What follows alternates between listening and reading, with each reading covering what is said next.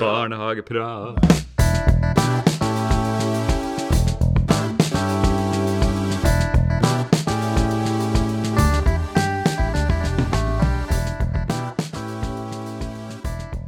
Nei da, men eh, velkommen til Barnehageprat. Tusen takk. Takk for det. Og vi heter fremdeles Erlend Nilsen. Øystein Jønes. Og Lisbeth Aasgaard. Ja. Og i dag har vi flytta på oss. Ja. Så i dag sitter vi i kjellerstua hos meg med hver sin mikrofon.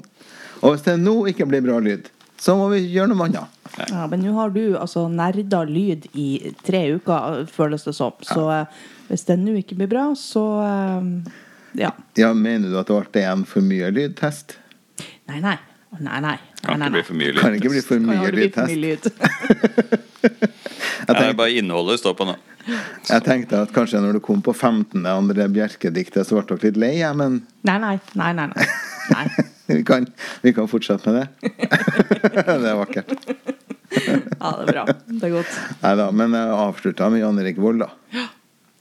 Det fikk dere det fikk Nei, jeg har ikke dere. fått med meg noen ting av det. Nei, så bra. Nei, man må jo trykke på play, Ja, jeg må jo det. Jeg fikk bare sånn der, sånn der pil, sånn der dings, jeg vet ikke hva det var. Sånn der stripe i Messenger. Ja, og da trykker du sånn på der- play. Ja, det var bare sånn trekant Sånn på sida. Jeg vet ikke hva det var for. Nei, sånn helt, helt ukjent symbol forresten. Ja, ja. Ja. Det gikk meg hus forbi. Stakkars meg. Var det, var det dumt? Nei, det var sikkert ikke veldig dumt. eh, Og Lisbeth påstår at det var lite forskjell da, fra lydprøve 1 og lydprøve 17. Som var, eh, men, Men det for var meg veldig var det hyggelig stor å, var hyggelig å høre deg lese dikt, da. Det, det kunne jeg jo Det var helt greit, det. Om jeg ikke hører forskjell på lyd, så Det var hyggelig sagt. Du skal bytte pod, da. På en måte. Kan ha dikt, diktprat ved Erlend Nilsen? er Liten jeg, langt ifra. Ja. Ja, det, den tenkte jeg jo ikke på. Det er jo et fint dikt. Ja. Ja. Mm. Nei da, det er jo ikke så veldig mye poesi i dagens tema, da. Nei, det er ikke det. For dagens tema er uh, pedagognorm og bemanningsnorm i barnehage. Og så tenker jeg litt at vi skal ha en innledning som jeg har glemt av, og der kan vi klippe bort. Men, eh, for vi har jo faktisk fått en respons på musikkpodden vår. Og det var veldig veldig hyggelig. Eh, må jeg si takk til Mariann som har sendt inn eh, melding på Facebook. Mariann på, påpekte at dette med musikk og identitet også var et tema som vi kanskje ikke var borti nok, da. Eh, annet for eh, barn av eh, andre kulturer som bor i Norge, men også i, altså, ikke minst samiske kulturer. Eller, altså, det er jo en kulturbærende og identitetsskapende ting også. Absolutt. Det er vanskelig å snakke ferdig om musikk, da. Ja, det er akkurat det. Og det. det ble jo var innom ganske mange ulike tema. Men vi kunne jo vært innom mye flere enn akkurat det vi var. Tenkte jeg på etterpå også, at det var på en måte flere veier vi kunne gått i det. Og det der er absolutt en av de. Ja, det er det. Men jeg tror faktisk det at uh, gjennom alle de podkastene vi har hatt nå, så er jo musikk det tema som vi har svinga innom, tror jeg, i nesten alle på et eller annet nivå, fordi at det er så viktig for oss. Så uh, vi er nok ikke ferdig med det temaet, tror jeg. Det, nei. Blir aldri ferdig. Nei. Aldri. nei. Men det var egentlig veldig fint, det innspillet til Marianne. For når jeg leste det, så tenkte jeg ja, det skulle vi ha snakka mer om. Så helt riktig og, helt, og, vel, og veldig viktig eh, innspill. Jeg tenker at um, barn og identitetsskaping er jo et eget tema for en egen podkast. Og da går det an å huske på å ta med seg akkurat den musikkbiten også. Absolutt. Men tusen takk i hvert fall til Mariann for hyggelig tilbakemelding. Det syns jeg var høy. Det var gøy. Det må vi få mer av. Ja. Ja. Og måten å gjøre det på, det er å gå på Facebook og lete opp Barnehageprat og sende oss en melding. Det er det noen andre også som etter hvert begynner å gjøre. Det blir stor pris på og tar med oss innspillene videre. Hittil har vi svart på 100% av henvendelsene. Det har vært to. Det skal vi fortsette med. Ja, det, det mener jeg er et godt Men mål. å eh, målet er å fortsette med det. da Ja. Absolutt. Eller man kan se en e-post da til barnehagepodcast med c at gmail.com. Vil bli lest og tatt til følge. Ja, helt klart. Ja. Så nå skal vi eh, snakke litt om barnehagenorm. Bemanningsnorm. Ja. Jeg, jeg merker at det, energien er litt lavere i inngangen på det på musikk. Men det er et veldig viktig tema. Um, jeg har lyst til å oppsummere litt for dem som ikke jobber i barnehage og ikke helt med på hva vi, hvorfor vi snakker om det. Um, og det er litt fordi at det kom en norm i 2019 som handler om uh, Eller 2018? Det har jeg glemt å sjekke. Men jeg tror det var i fjor.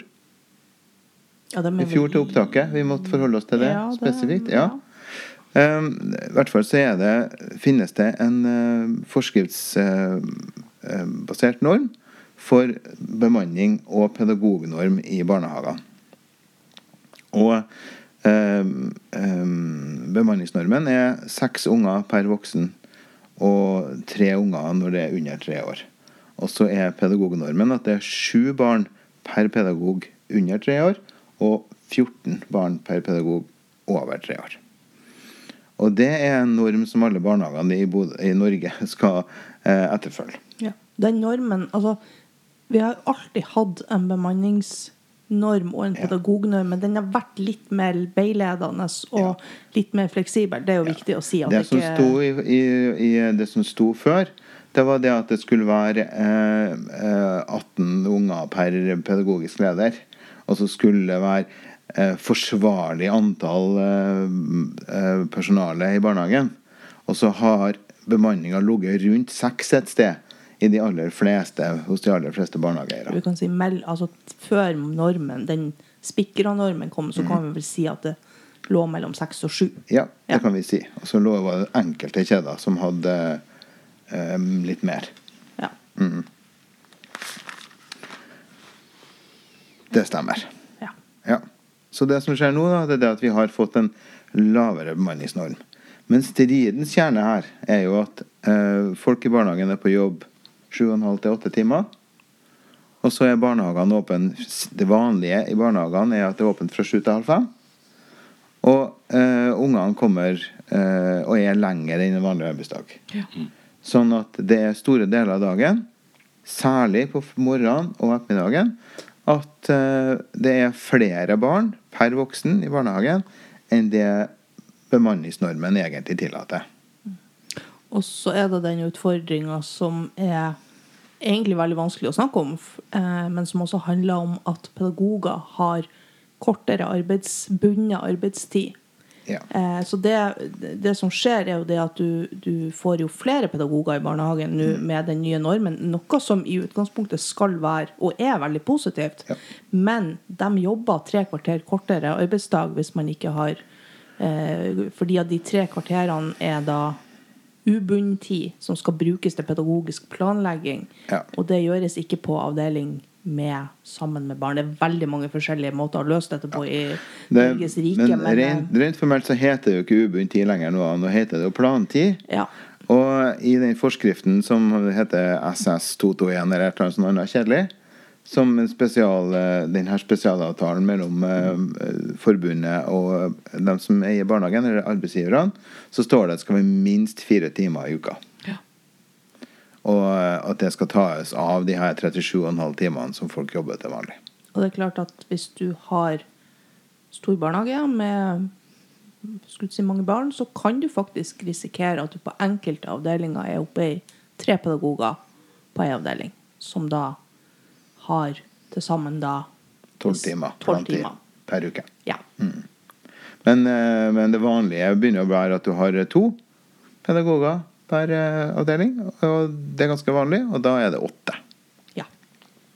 Sånn som hos meg, så er det i snitt tre pedagoger per base. Vi har to og to avdelinger som jobber sammen som en base. Og eh, da blir det jo tolv per base i, i snitt. Mm. Det er den kjedelige inndelinga i innledninga. Ja, det er jo ja. Men det er, jo, det er jo en slags oppsummering av hvordan ståa er, da. Jeg syns det er en bra oppsummering, det der. Mm. Jeg jobber jo i praksis her i den delen. For jeg hører jo at nå, nå er dere styrere Mm. som har veldig koll på den biten der, og så er jeg pedagogisk leder. Og kjenner veldig på den der praktiske biten i det. Jeg er veldig for bemanningsnorm, og at det skal være en sånn skal være en regel. Sånn at det skal være høvelig likt for alle, alle barnehager. Men det er når du kommer til det praktiske i det, og du får kjenne på kroppen eh, realiteten i det, så er det litt sånn tricky. Og så er det du nevnte også om at mm, på morgenen, på ettermiddagen, så er det sånn Da er det jo ikke bemanningsnorm, da. Da gjelder på en måte ikke det. Så vi merka jo det når vi hadde Når vi starta, starta opp med kohorter. Vi er jo ikke ferdig med det der livet der ennå heller. Eh, Da fikk vi jo kjenne bemanningsnorm på kroppen. Da kjente jeg det i hvert fall på kropp, for da hadde jeg jo seks barn som jeg hadde ansvar for. Uh, Og da hadde vi en arbeidsdag og åpningstid. Og da var det jo fullt bemanna hele tida. Det er kanskje eneste gangen i min barnehagekarriere at jeg har liksom kjent på at ok, nå, nå fyller vi denne normen. Det var jo forferdelig slitsomt. Så det var på en måte ikke Det var ikke gull, det heller. Men da, da, var, da var liksom Nå er vi på bemanningsnorm. Og så er det jo klart, som eh, styrer i en privat barnehage, så må man jo heller ikke glemme å i hvert fall nevne den finansielle biten rundt det, fordi at eh, det klart det koster mer. Eh, og det blir ikke kompensert for de private barnehagene. Så det er klart, det er jo et, er jo et puslespill, og det er jo noen sjongleringsøvelser. Jeg er, vil understreke at jeg også syns det er veldig veldig bra med en bemanningsnorm og en pedagognorm som gjør at man har koll på ting, at ikke det er rom for sånn sirkusartister som skal drive og holde. Men, men jeg syns det er problematisk at du mister all fleksibilitet, fordi at enkeltbarnehager kan ikke eh, du, du kan ikke lenger eh, ta inn unger ikke sant? Det, det er helt velregulert i forhold til Tar du inn ett barn, så må Ja. du ansette en til pedagog, f.eks. Det der er jo skrivebordsløsning de luxe. Ja. At, at plutselig så trigger det inn. Oi, så må ha en hel pedagog til. Ja. Mm. Istedenfor å ha en liten bit av en pedagog. Eller kunne, for, så der kunne det kanskje vært litt fleksibelt, men det er så fort du åpner for fleksibilitet der, så, så åpner du også for å kunne liksom, gamble litt.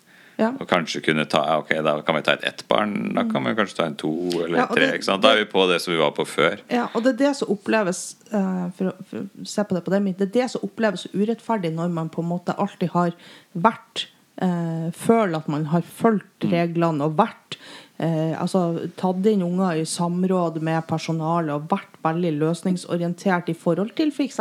søsken som ønsker å begynne på et litt sånn annet tidspunkt i løpet av året. ikke sant? Jo, vi vil veldig gjerne ta inn Vi kan gå med det barnet på topp nå. Eh, hvis vi får litt ekstra bemanningsressurser. Det er jo ikke Altså eh, uten å undervurdere pedagogenes rolle, for det gjør jeg overhodet ikke.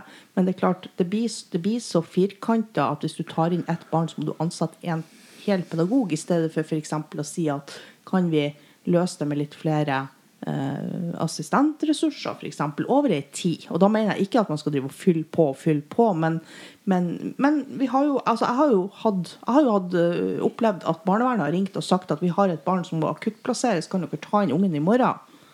Ja, det kan vi gjøre. Fordi at altså, før bemanningsnorm så kunne man gjøre sånne ting. Vi skjønner at dette er viktig og må faktisk gjøres. Det er jo ikke sjans nå. Jeg opplever jo at eh, eh, hvis du skal prøve å være litt pragmatisk i forhold til barnehagen din, da. La oss ta et tenkt eksempel. Hvis jeg mot formodning ikke får fylt barnehageplassen min, eh, barnehagen min med la oss si seks plasser, da. Det er jo én voksen. Men så er det sånn at den er Og da kanskje jeg har en eh, ansatt som er i permisjon. Kanskje det er et eh, menneske som har fått barn og skal være borte et år. Det er helt perfekt. Da kanskje jeg ikke trenger å fylle de seks siste plassene, da. Så lar jeg være å ta inn en voksen. Men hvis den personalet som da er hjemme i pappa- eller mammaperm, eh, vanligvis mammaperm når det er så lenge, da, selvfølgelig, eh, er en pedagog, og den pedagogen sitt fravær gjør at jeg i dette, dette driftsåret ikke oppfyller pedagognormen med de ungene som jeg har igjen som plass, så må jeg lyse ut den stillinga. Og da må jeg jo prinsipielt gå med ledig kapasitet i barnehagen min. Fordi at pedagognormen er så streng. Og hva er greia med det? Sant? Ja, og så har du også det, det Hvem er det bra for? Eller det realistiske tilfellet som faktisk er, er at det egentlig er forventa at, hvis du- at du må føde barn på et gitt tidspunkt på året. Fordi at hvis du da har fylt opp barnehagen din, ikke sant, eh, sånn mer eller mindre i august, og du kommer til januar, og du har da kanskje fort eh, alle de ungene som er født liksom, typ desember, januar, februar, mars, som gjerne vil ha plass, eh, så kan du ikke flekse på det lenger. Da må du på en måte ansette flere folk. Eh, du har ikke rom for å ansette i midlertidige stillinger. Det er et ganske strenge lovverk på det òg. Så det du faktisk kan risikere, det er at du må ansette folk i januar. Ta inn disse barna hvis det er det du på en måte tenker at du ønsker. Det kan være søsken, det kan være andre årsaker. Og så risikerer du faktisk at du må si opp disse menneskene i august, fordi at du har ikke nok kapasitet. Altså du har ikke nok barn. Men det løser vi ganske fort hvis staten bare regulerer det litt. Så det er ikke lov å få unger Ja. eh, utenom 1. mai til 30. september. Ja. Altså alt det andre, det, det, det, sånn, det er ikke lov. Nei, men, altså, helt, helt ærlig og oppriktig, jeg har utrolig mange halvfortvilte foreldre som lurer på hvordan i all verden skal vi løse dette. Hvordan skal vi faktisk Jeg har opplevd foreldre som betaler fra, for plassen fra altså, august, og så begynner ungen i desember for å i hele tatt ha, være helt sikker på at de får det her til. Ja og det er jo galskap, egentlig. Mens før hadde man et slingringsmonn. Man kunne på en måte Og jeg er jo litt sånn at hadde man jo regulert den ene delen, ikke sant? hadde man jo kanskje kommet med, med én norm først. Og så hadde man på en måte kommet med norm to på et senere tidspunkt, sånn at vi hadde fått tid til å justere oss litt inn og prøve å finne ut av hvordan, hvordan skal dette bli. Men uh, En annen ting er jo at bemanningsnormen ikke er reell. nei, det, det er den ikke i det hele tatt. For, for det tenker jeg at det, det er en norm som er innført uten at den ikke er finansiert. Å ja. Mm. Det var jo nettopp eh, høring om det der på, i Stortinget. Og der hadde jo KS regna ut det der og for å få eh, bemanningsnormen til å gå opp i 2020. Det er Kommunenes Sentralforbund, hvis noen lurte på hva KS er for noen ting. Men de har regna ut at for å få bemanningsnormen til å gå opp i år, så vil det koste 690 millioner. Og ca. en milliard i 2021. For det handler om at du må ansette folk, ikke sant. Så tenker jeg ja, syns det er verdt pengene. Ja. Og så kikker jeg i, fors, eh, i det forslaget til statsbudsjettet som kom fra staten nå. Nei, det var ikke noen milliard til barnehagene. Det var noen penger til videreutdanning og sånn. Kjempebra. Veldig veldig fornøyd med det. Det er mange ting jeg er fornøyd med. Men, eh, men til å eh, få en reell behandling i barnehagen, nei, det eksisterer ikke. Og, og der er det jo eh, krefter i gang i vår eh, bransje nå, da, sant, som prøver å sette ord på det her da, og prøve å vise fram hvordan det er med bemanningsnormen, og hva denne pedagognormen går litt på bekostning av, for at den er litt firkantig og sånn. Men jeg syns jo faktisk at det utgangspunktet er bedre å ha en firkantig eh, pedagognorm enn å ikke ha en pedagognorm. Det syns jeg. Jeg syns at kvaliteten på tilbudet i barnehagene har eh, fått en boost av det. Altså. Det syns jeg. Det handler om eh, hva jeg forventer ut ifra de avdelingene som er fullt bemanna med, med lærere. Og det er forskjellen på lærere, assistenter og fagarbeidere sånn rent generelt. Og så kan man ha helt nydelige assistenter og fagarbeidere som virkelig gjør en bedre jobb enn de der eh, lærerne som kanskje ikke er ja, kanskje har vært feil yrke, da. Det finnes jo sånne òg. Så det tenker jeg at det, men det er individuelle, anekdotiske forskjeller. Mens at det generelle er at eh, kvaliteten på innholdet har gått opp, altså. Det mener jeg. Ja, jeg, altså jeg er enig i at kvaliteten har gått opp. Eh, og jeg syns det er veldig ok at det er større fokus på dette med det pedagogiske innholdet i hverdagen. Jeg er nok ikke Jeg skulle nok helst ha sett litt mer fleksibilitet i den pedagognormen, fordi at jeg syns at det blir Ja. så firkanta at det er vanskelig å få det til å gå opp, og det er vanskelig å si nei til den ene ungen som kommer tilflytta, fordi at vi faktisk ikke har råd til å ansette til mennesker fra Ja. sånne type ting. Og, og jeg tenker at man kunne hatt en pedagognorm som hadde vært strengere enn den var, men kanskje ikke fullt så firkanta som den er nå. Eh, og så mener jeg også at man eh, Vi hadde et, i min barnehage et eh, veldig fokus for noen år siden på dette med, med å ta fagbrevet. Som gjorde at nesten, nesten samtlige assistenter hos meg tok fagbrevet mm. over tid. Det gjorde også noe med kvaliteten. Ja. Eh, Sånn at jeg tror at, eh, at eh, det er vel og bra og kjempeflott med pedagoger. Det er de som er grunnstammen mm, altså for det pedagogiske innholdet i barnehagen. Men, men man skal ikke kimse av at det er fagarbeidere som, som får seg noen aha-opplevelser når de tar det, eller assistenter som får aha-opplevelser når de tar fagbrevet, som gjør noen ting med den totale kvaliteten. Men jeg tror også det at, at grunnen til at det er blitt et bedre kvalitativt eh, innhold i barnehagen pedagogisk sett, er også det at det har vært et veldig stort fokus på dette med pedagogikk i barnehagen. At man har på en måte eh, det har, det har gått fra å være litt sånn type eh, koseplass. ikke sant? Det er så hyggelig å jobbe i barnehage, og alle kan jobbe i barnehage. Så har det vært gjort en veldig god jobb med å fokusere på at nei, det er ikke sånn at alle kan jobbe i barnehage. Alle skal ikke jobbe i barnehage. Det ikke, skal ikke være en oppbevaringsanstalt for folk som ikke kan jobbe i andre yrker. Så, eh, men, eh, men ja, jeg er enig i at det skal være eh, en regulering på dette med pedagoger. Men jeg forbeholder meg retten til å si at jeg ikke er helt enig i at han skal være så firkanta som han er akkurat nå. Nei, men der er vi enige. Ja, det, er, tror alle, alle er enige om det. Det er firkantheten. Det er vanskelig å jobbe med. Ja. slite med det. Men jeg tenker jo at eh, Man kan jo gå til det innholdet også. Da synes jeg det er, det er vesentlig. Det er jo ikke bare bemanningsnorm pedagognorm som gjør innholdet. Jeg tenker jo at en rammeplan som kom også gjør noe med Eller gjorde noe med innholdet i barnehagen. Det ble liksom lettere å forholde seg til for alle. Og det er jo ikke tvil om det at eh, personalet i barnehagen det gjør jo mye av, av barnehagen. Og jo tettere Det er jo ikke alltid det er best heller, å ha pakka fullt av folk. Nei. Hvis nei. du har feil folk. Ja. Hvis du har rett folk, så er det jo gull å ha mange folk. Men hvis du har feil, så er det jo, blir det jo bare grøt. Så rett folk og nok folk. Og det skulle gjerne hatt, eh, hatt eh, kortere åpningstid i barnehagen. Sånn at man kunne virkelig drevet etter beman- bemanningsnorm hele tida. Ja. For det er ikke tvil om det at, at Nå ser jeg det her sånn veldig fra praktisk side at i ytterpunktene av dagen er det sykt vanskelig å gi et godt pedagogisk tilbud til de ungene som er der. Ja. Fordi at du har ikke tid. Du skal gjøre så mye annet rart. Midt på dagen så, så går det ganske glatt. Hvis du er rett folk, så går det glatt å gi et godt tilbud. Og det er vel kanskje helst i de situasjonene sånn For folk som jobber i barnehage, kjenner, altså, kjenner seg sikkert igjen i akkurat når han er typ rett akkurat når mellomvakta har gått hjem.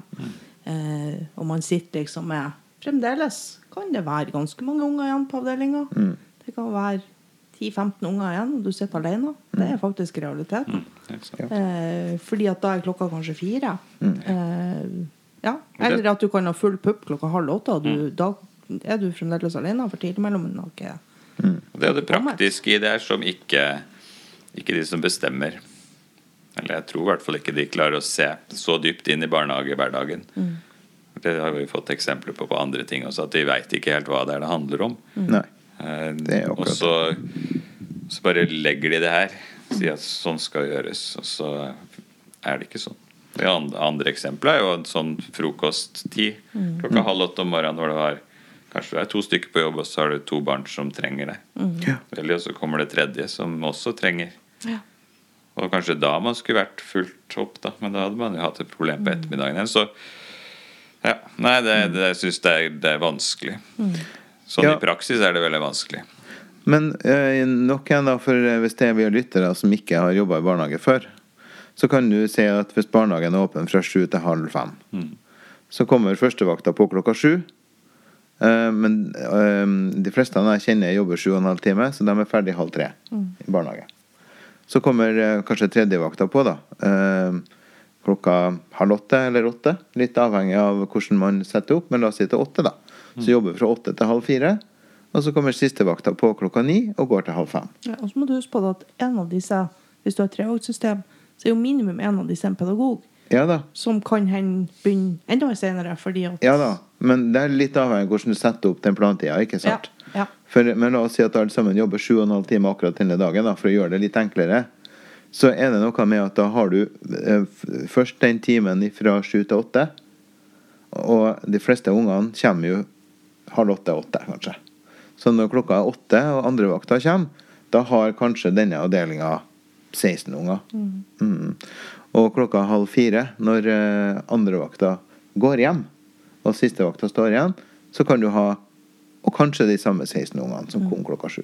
Og så er det veldig viktig å få med det at hvis man tenker da eh, Selv om man, hvis man ikke jobber i barnehage, så har man kanskje levert i barnehage. Så vet man jo ofte det at det å levere et barn i barnehagen på morgenen, det kan være en sak for seg sjøl. Det kan hende at ungen ikke har lyst til å være i barnehagen. Det kan hende at det Men har du- vært litt tøft hjemme skjer- om morgenen. Det kan... Nei, altså Mener du seriøst at det er lettere å levere en pakke enn et barn?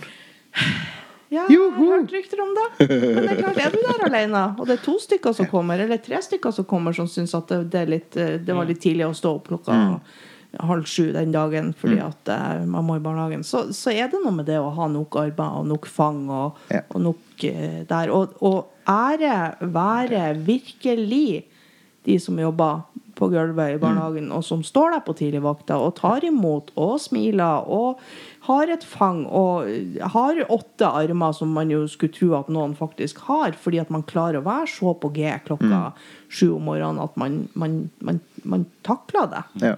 Eh, jeg tenker det at når, eh, når, eh, når foreldre sier det at «Ah, jeg har aldri jobba i barnehagen, og det er så mye unger og det er så mye støy, og alt sånt så, så tenker jeg at eh, fra den tida jeg jobba på, på gulvet som pedagog, så tenker jeg at det var egentlig ikke den, den tida når det var unger i store dunger på, midt på dagen, og det liksom eh, Noen ville tegne, og noen ville henge i tapeten, og noen ville sånn. Det var ikke det jeg anså som liksom slitsomt, men det var den her når du, når du følte at du aldri strakk til fordi du var alene. At du skulle på en måte ta imot, og du skulle på en måte eh, En som gråt, og en som må tisse, og en som er sulten, og en som egentlig bare vil leke med plastelina, og en som vil være med pappa på jobb, og, og du skal på en måte rekke overalt. Det er jo det bemanningsnormen handler om. Ja, det er det den handler om. Og så handler det om at det er to måter å, å avhjelpe det der på.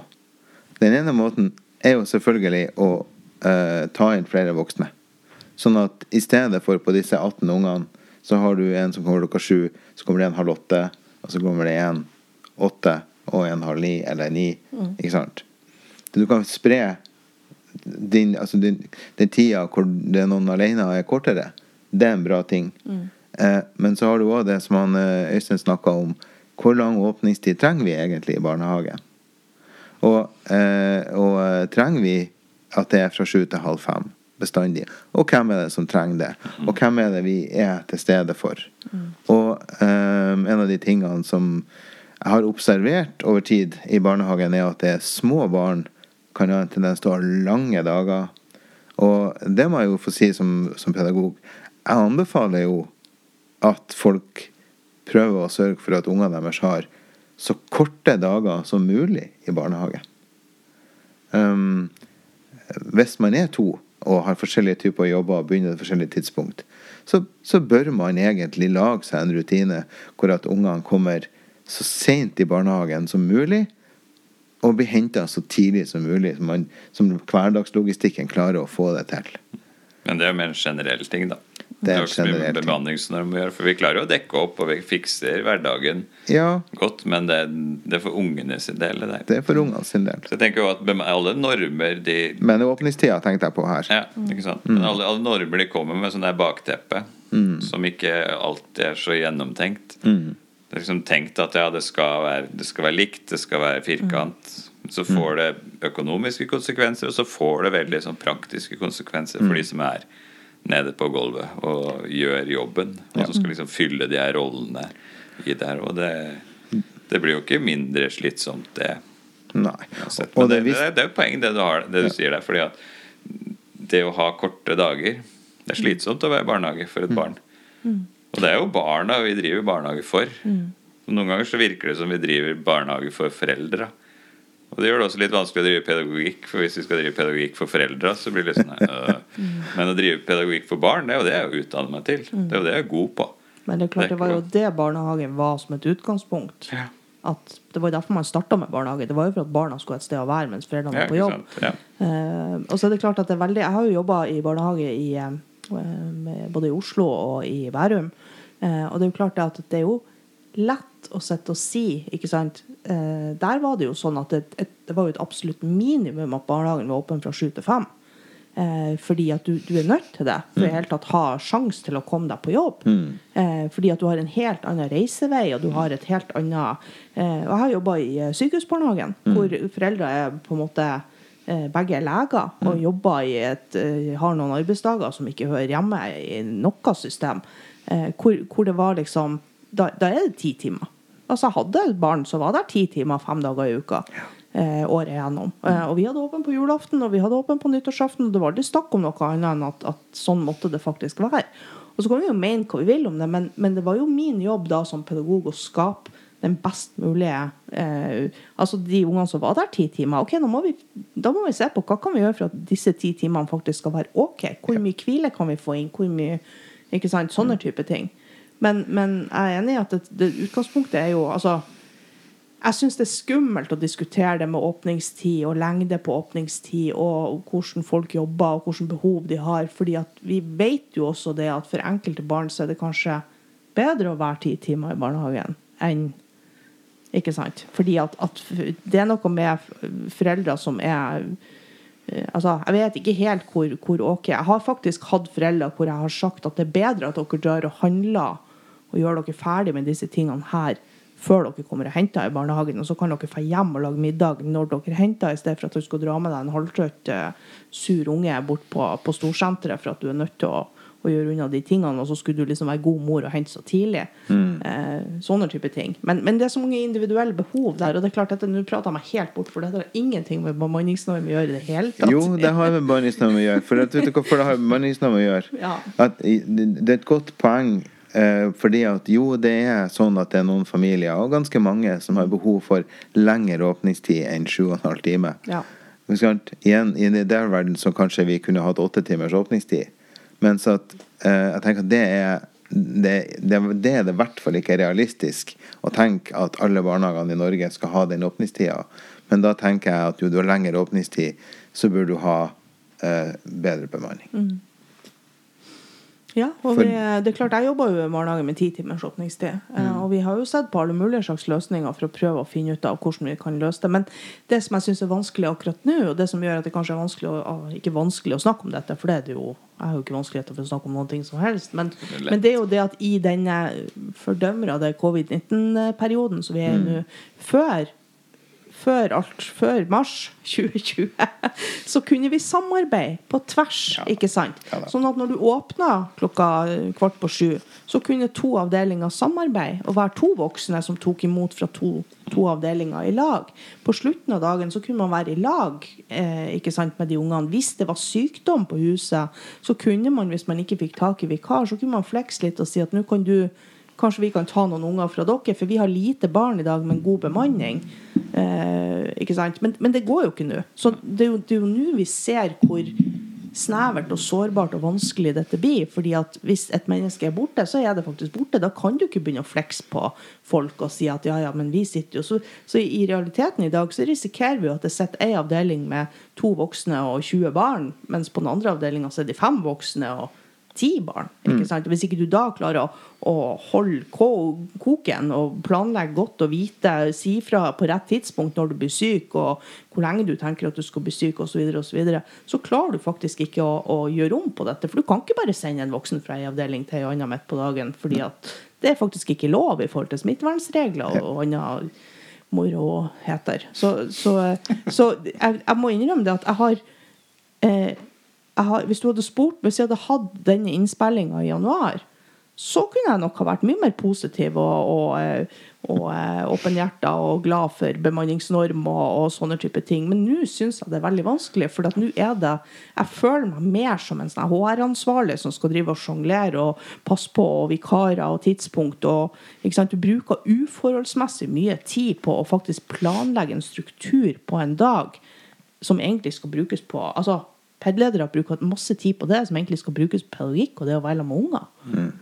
Så samarbeid, og det er jo klart at det å samarbeide på tvers ikke sant, er jo intet annet enn positivt, syns jeg, fordi at du får på en måte eh, altså hos oss, Vi har jo jobba i, i 100 år med å tenke hus. Mm. Hele tida tenke hus. ikke sant? Vi samarbeider, vi slår oss sammen, vi drar på tur i lag. Vi går på besøk til hverandre. Vi hospiterer både voksne og barn hit og dit. Nå helt stopp. Jeg tenker korthus nå. Korthus, ja. Et kohorthus. Nei, men, ja, men uh, en, en, fordel, hvis du kan si det, eller en oppside mm. av det her, det er jo at nå blir det veldig tydelig eh, hvor sårbart det er. Ja. Mm. Fordi at vi har vært flinke før, sånn som du sier, til å dekke opp tenke ett hus, én barnehage. Ja. Eh, Og da kunne vi jobbe ganske mye med Vi kunne ha ganske mange borte uten at noen merka det. Vi kunne drive godt med lav bemanning. En periode, i hvert fall. Mens nå, hvis eh, mange folk ryker ut nå på ei stue eller en avdeling, så har vi da, da blir det veldig sånn synlig. Men det er ikke sikkert det blir synlig mer enn for oss i vår barnehage. Så det der kan man jo spille ut. Men det er lettere å se, da. Ja, Tror du, hvis de vil se det, så ser de det nå. At det er et korthus vi holder på med nå. Ja. Og så er jo utfordringa det som, som, som jeg har snakka en del om inn, inn på mine foreldremøter, og sånn, det er jo det at hvis folk blir borte, eh, så vet jeg jo ikke helt nødvendigvis hvor eh, Altså, du tar inn vikar, eller to eller tre eller fire vikarer, ikke sant, fordi at folk hjem, ligger hjemme og er forkjølt og har vondt i halsen. Før så kunne vi faktisk flytte på, en fast, på faste ansatte. Ja, jeg er enig i at vi kanskje var bedre til å sjonglere og ikke dekke over, men, men at det var på en måte lettere å, å få det til å funke uten de ekstra ressursene. Men jeg er ikke så sikker på det at å ta inn en vikar fra et hvilket som helst bemanningsbyrå eller eh, ikke sant, sånne type ting eh, er så mye bedre. For da er det plutselig bare armer og føtter. Det er ikke nødvendigvis den trygge, stabile, gode voksne som du ønsker at det skal være. Og da er vi tilbake til det som du sa i sted.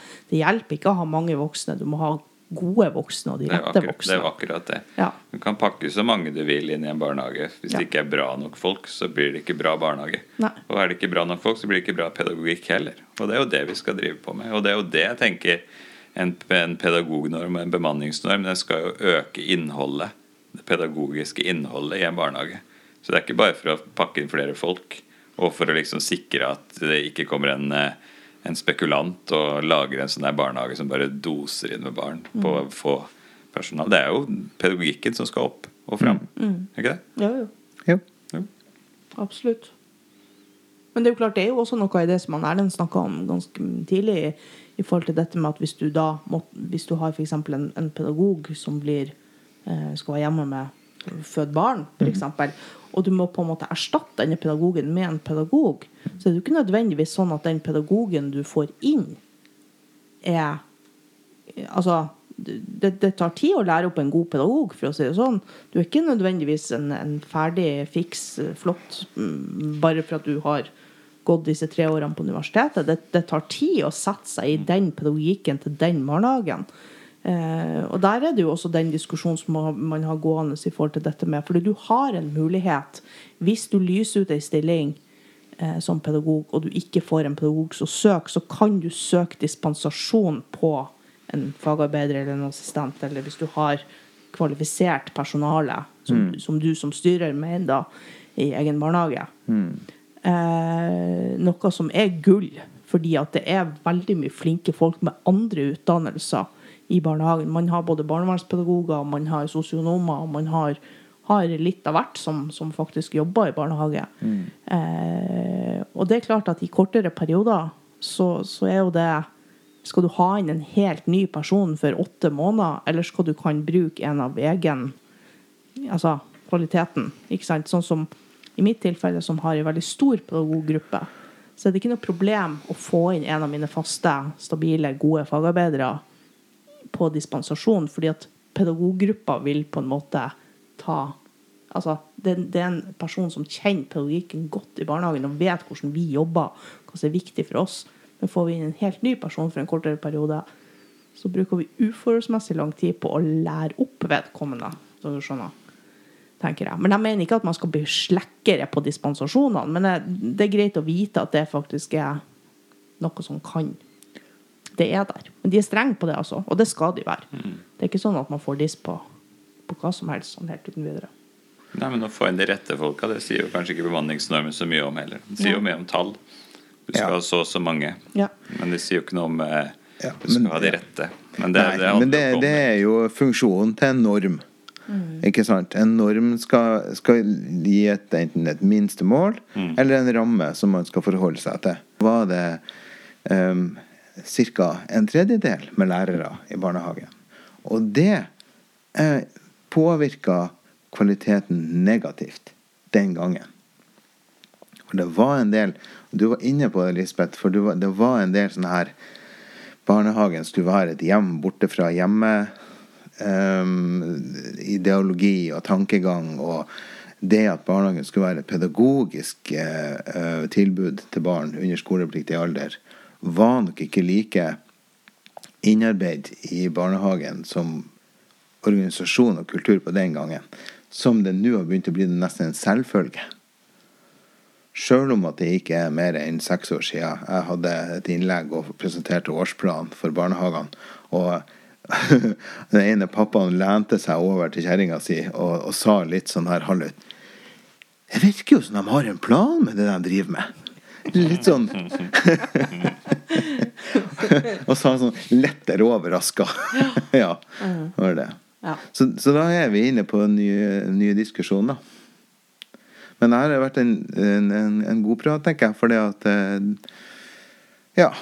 Bemanningsnorm. Vi er for bemanningsnorm. Oh, ja. Vi er for pedagognorm. Men vi er for en litt mer skjønnsmessig vurdering av og til. ja. Av særlig pedagognormen, kanskje.